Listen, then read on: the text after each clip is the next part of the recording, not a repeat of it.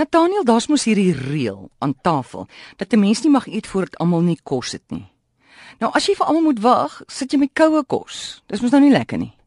Ja, dit is moeilik in 'n restaurant in 'n werkplek as jy net 'n uur het en so vooraf dan is dit heeltemal aanvaarbaar vir al die plekse dienste van die beste is nie om te begin eet wanneer jy jou kos kry.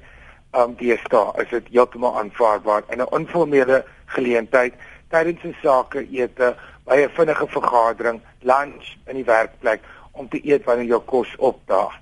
Vir baie mense is dit net ongemaklik want hulle eet klaar as die ander nie daar nie. Vir my is dit nooit 'n probleem nie want ek het geleer by Topsy Venter hoe nader kos aan kamertemperature is, so beter is die smaak en dit is die waarheid.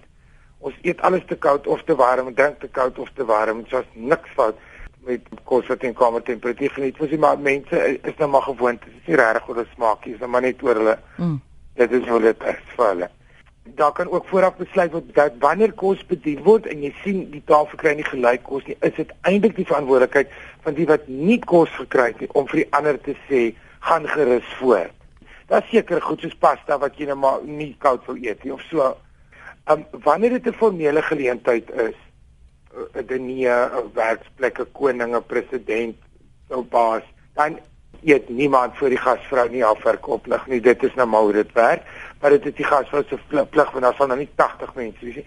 Dit is haar plig om te sorg dat goeders gelyk uitkom of dat almal gehelp word. Ook in 'n goeie restaurant sal 'n chef wat sy sout werk, is weet hoe om 'n tafel se kos uit te stuur. Hy begin nie net blind langs mm. borde pleit om klaar te kry tensy daar 'n krisis is nie. Ek ek is min in so 'n situasie, maar um jy kan ook sê ons is nie beelde in klip en jy sê ek is jammer maar as hierdie koud is elke gaan jy my verskoon.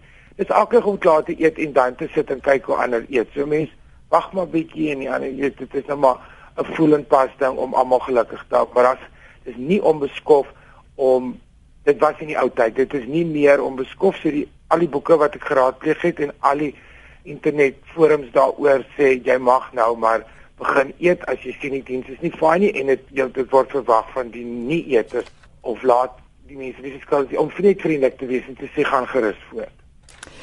Nirina wil weet in watter rigting stuur mens kos aan om die tafel. Nee. Net so.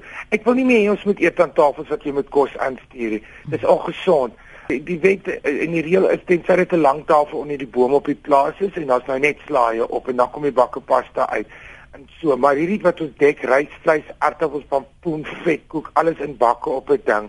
Wat dit veroorsaak is jy sit en eet terwyl daar kos voor jou staan, net beeste vreet terwyl daar nog kos beskikbaar is.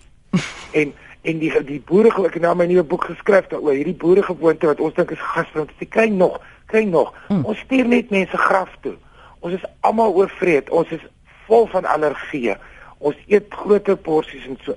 Maar as jy nou daar kom en jy wil nou nie die tannie of vriend nie want hy het nou 'n berg op die tafel gesit, stuur die kos regs aan.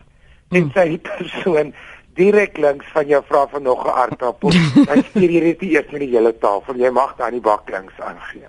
Maar hierdie aangestuur goed, dit, is altyd is in die rolprent as jy sien 'n eetle in die tronke. Mm, mm. Ek kan net van dit. Maar anyway, as jy moet regs, die reël. So gepraat van 'n aartappel, onthou jy daai dag wat ek jou op die lughawe gekry het met my sak aartappels? Die sak aartappels. Van die ek weet wat ek wegkyk of 'n vraag vra nie.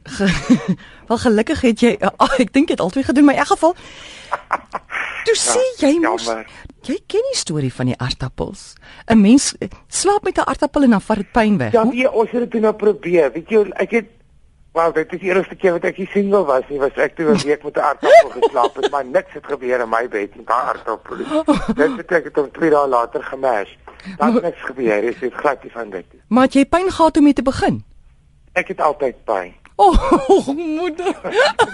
Wat die aardappel het niks aan my pyn gedoen. Ek het later vir gesê ek is eensaam, maar daar gaan niks aan nie. Uste, was dit pyn in die hart of 'n pyn in 'n knie? Ek het ek het vorige keer 'n streepsak, soos jy 'n streepsak aardappels probeer en kyk as ek hom net vashou of dit help. dit gaan definitief.